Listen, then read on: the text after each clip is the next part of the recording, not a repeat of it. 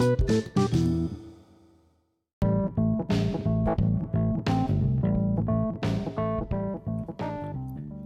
jumpa lagi dengan saya Christian Guswai.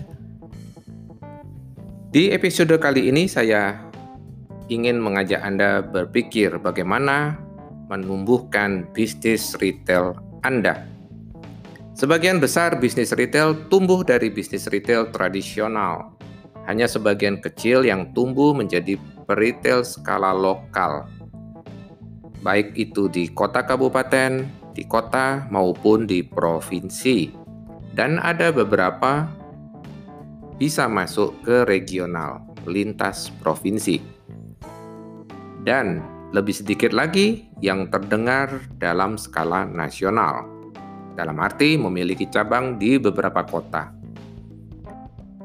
Beberapa retail lokal ini sekarang sudah memasuki generasi kedua Bisnis yang dulunya berangkat dari bisnis retail tradisional sudah tumbuh menjadi bisnis retail modern. Beberapa di antaranya memiliki lebih dari satu toko.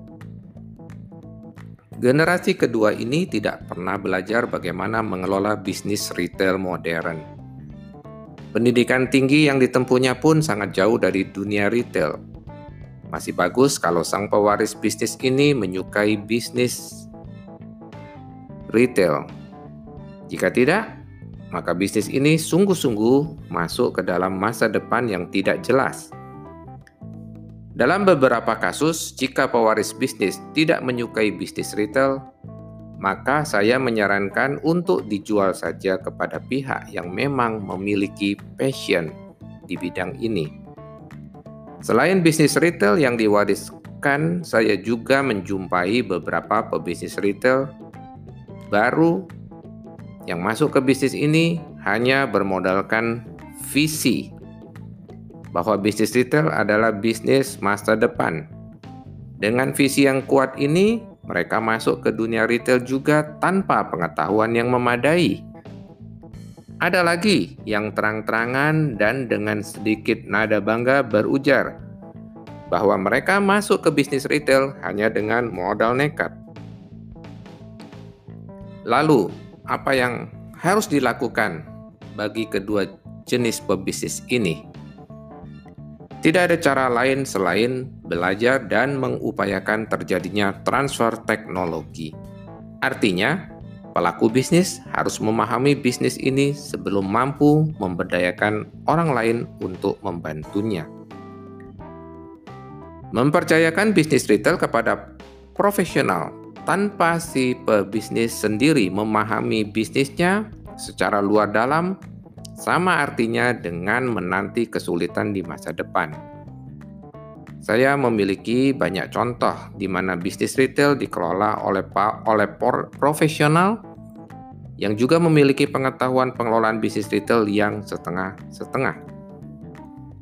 Orang yang dipercayakannya sebenarnya hanya tahu sedikit dari pengalaman kerja sebelumnya dan setelah itu berhenti belajar. Apa yang terjadi? Bisa ditebak. Ilmu yang dulu cukup untuk masa lalu sekarang menjadi tidak cukup lagi karena kompetisi, kompetisi, kompetisi yang kian ketat. Cara-cara bisnis dijalankan pun sudah berubah. Kelakuan konsumen juga berubah. Bisnis harus dikelola dengan lebih baik lagi. Yang lebih parah adalah karena ketidaktahuan dari pemilik bisnis, sehingga sampai dicurangi oleh orang yang diberi kepercayaan tadi.